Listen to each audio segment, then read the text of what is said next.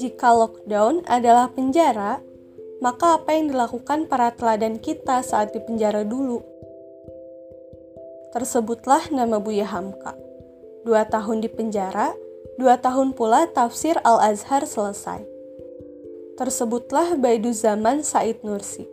Keajaiban zaman asal Turki menulis tafsir Risalah Nur yang berjumlah lebih dari 6.000 halaman selama masa pengasingan.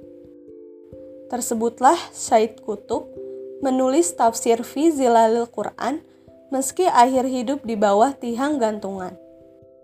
Tersebutlah nama Zainab Al-Ghazali, perempuan tangguh yang anjing penjara sampai dibuat enggan untuk mengoyak tubuh bersimbah darahnya. Mungkin Sebagian kita juga belum kenalan dengan tokoh fenomenal Syekh Yusuf Al-Makassari Al-Bantani. Tokoh heroik yang membuat Belanda kewalahan dalam menaklukkan tanah Pasundan. Menulis buku saat diasingkan ke Sri Lanka, lalu dibuang ke Tanjung Harapan, lantaran terus-terusan melakukan perlawanan, mengembuskan nafas kemerdekaan.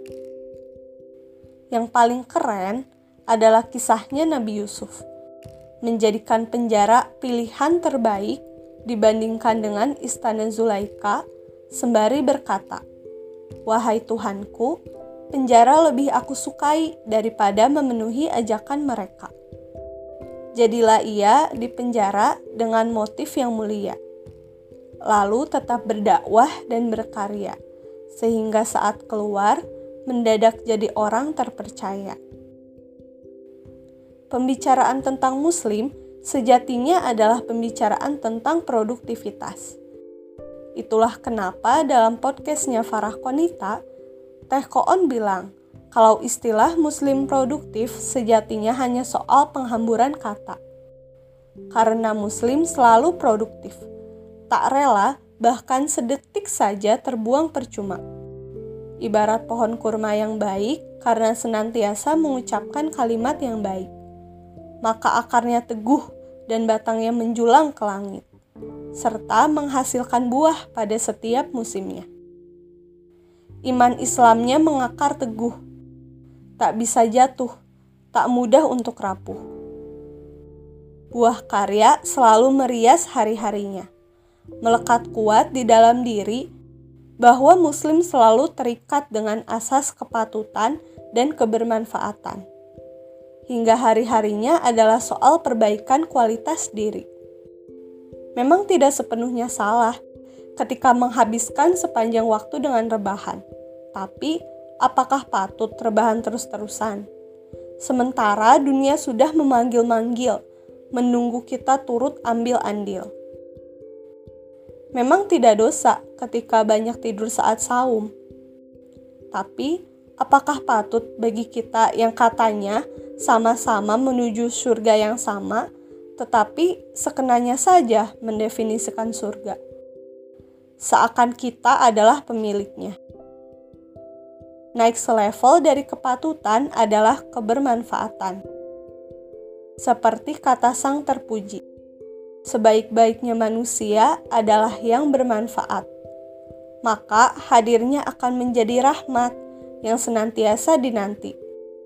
Ibadahnya tak lagi untuk dirinya sendiri, melainkan selaras, senada, seirama dengan ibadah-ibadah sosialnya.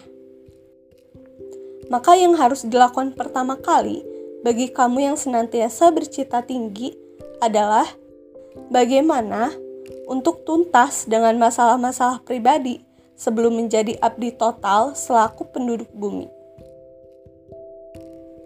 Dunia ini memang penjara bagi seorang Muslim, tapi akan berbeda paradigma jika melihat para pendahulu yang sebegitu buru-buru untuk menyongsong kematian. Bagaimanakah siksaan sedemikian berat malah menjadi penguat, menjadikan kesyahidan sebagai kerinduan? Tertegun bagaimana Ubaid bin Yaisi yang selama 30 tahun tidak pernah makan dengan tangannya sendiri, melainkan disuapi. Lantaran kesibukan menulis hadis.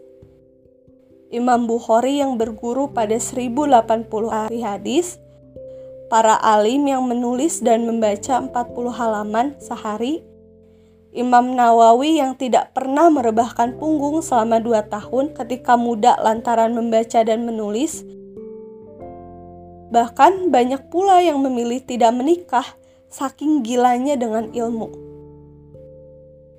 Sehingga seorang teman pernah bilang, mereka kesibukan berkarya sampai lupa bucin. Sedangkan kita kesibukan bucin sampai lupa berkarya. Hehe. Tertohok bersama ya kita. Terakhir tentang rebahan. Ada sedikit quotes yang kayaknya berarti kalau jadi refleksi. Quotes itu bilang gini.